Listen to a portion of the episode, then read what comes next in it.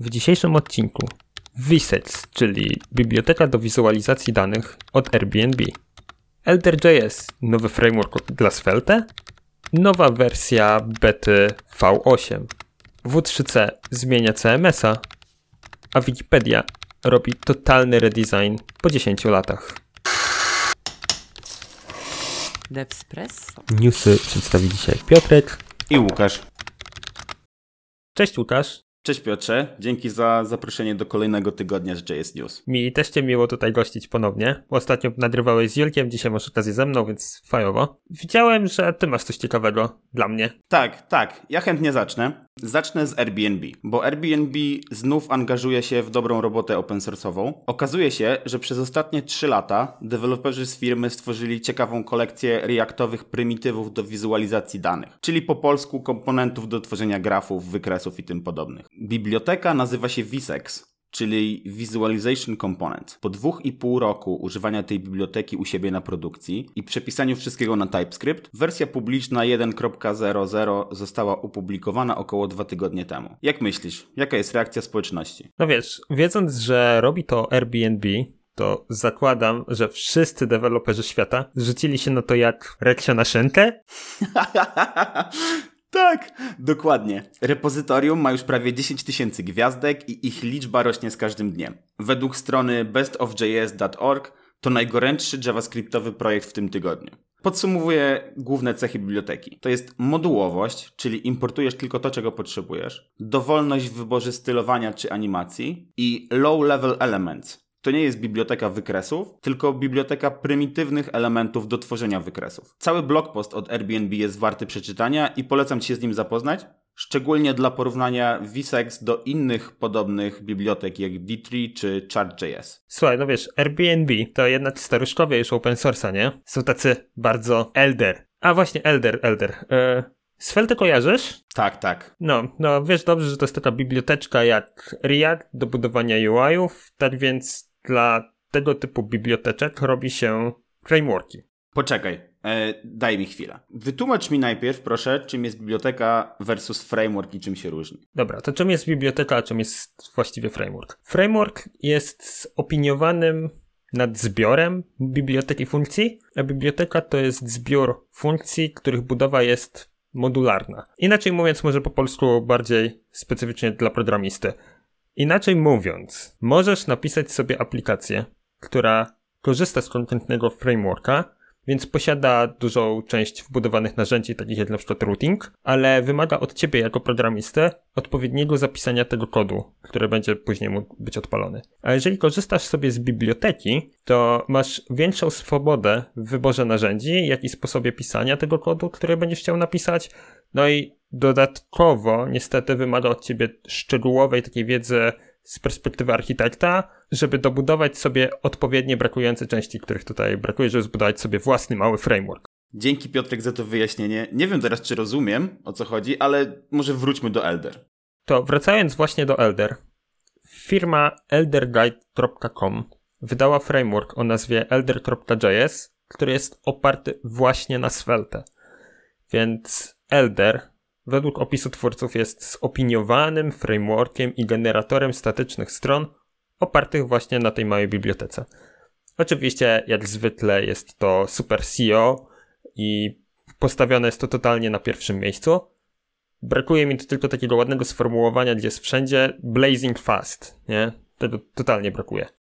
Okej, okay, czyli podsumowując, to Elder jest takim nextem dla Svelte. To, to co jest Next dla Reacta, to Elder jest dla Svelte, tak? Dobrze myślę? Dokładnie tak. Dokładnie w ten sposób możesz to sobie wytłumaczyć. No więc nowy framework wspiera oczywiście statyczne generowanie stron oraz server-side rendering, czyli dokładnie tak jak w Nextie.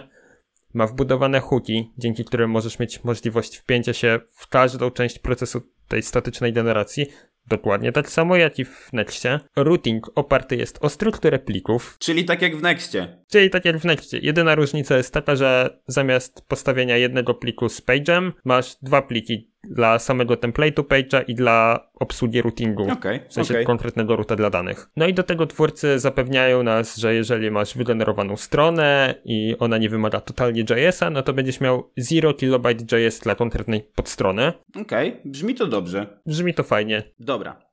To w takim razie, jeśli chcesz korzystać z nowych frameworków jak Elder, będziesz korzystał również z Node'a, a tym samym z silnika JS-a od Google'a, czyli V8. Kolejne wersje silnika wychodzą co 6 tygodni, bezpośrednio z głównego brancha repozytorium. Ostatnią betą V8 jest 8.6 i iteracja ta wprowadza kilka ciekawych zmian. Pierwszą wartą uwagi są zmiany w terminologii w samym kodzie źródłowym. Nazwy uznawane za mało wrażliwe czy politycznie niepoprawne zmieniane są na te neutralne. To już kolejny z projektów open source, który wdraża podobne rozwiązania. W zeszłym tygodniu mówiliśmy o podobnych zmianach w GitHubie. No dobra, ale co się zmienia w samym silniku? Number to string dostał nową implementację, która powoduje przyspieszenie działania tej funkcji nawet o 75%. A to w niektórych przypadkach. Okazuje się, że parsowanie numbera do stringa wywołuje funkcję z C++, która bierze pod uwagę wszystkie warunki brzegowe, typu liczby zmienno-przecinkowe, notację naukową, nieskończoności itd. Dopóki funkcja ta się nie wykona, silnik nawet nie będzie wiedział, jak duży będzie wynikowy string. Ale w większości przypadków deweloper po prostu chce zmienić w stringa prosty, mały integer, czyli SMI, a to jest już dużo prostsza operacja i zdecydowanie nie wymaga, żeby wyciągać do niej wielkie działa C++. Więc dla konkretnie takich przypadków toString otrzymał nową implementację. Brzmi jak game changer, taki totalny game changer pod, pod względem silnika. pewnie nie, pewnie nie, no ale nowa wersja, trzeba w jakieś nowe funkcjonalności. Totalnie. No, ale wiesz, silniki silnikami, ale nie da się tworzyć weba bez z góry ustalonych standardów. Tymi zajmuje się, jak dobrze wiesz, The World Wide Web Consortium, czyli W3C. No i nie wiem, czy wiesz, ale no to konsorcjum jest w trakcie redesignu swojej strony internetowej. O, to ciekawe. Konsorcjum od strony internetowej redesignuje swoją stronę, więc pewnie będzie dużo się działo wokoło tego tematu. Tak, dokładnie, bardzo dużo się dzieje. Trzymają bardzo konkretny timeline i opisują wszystko, co się dzieje.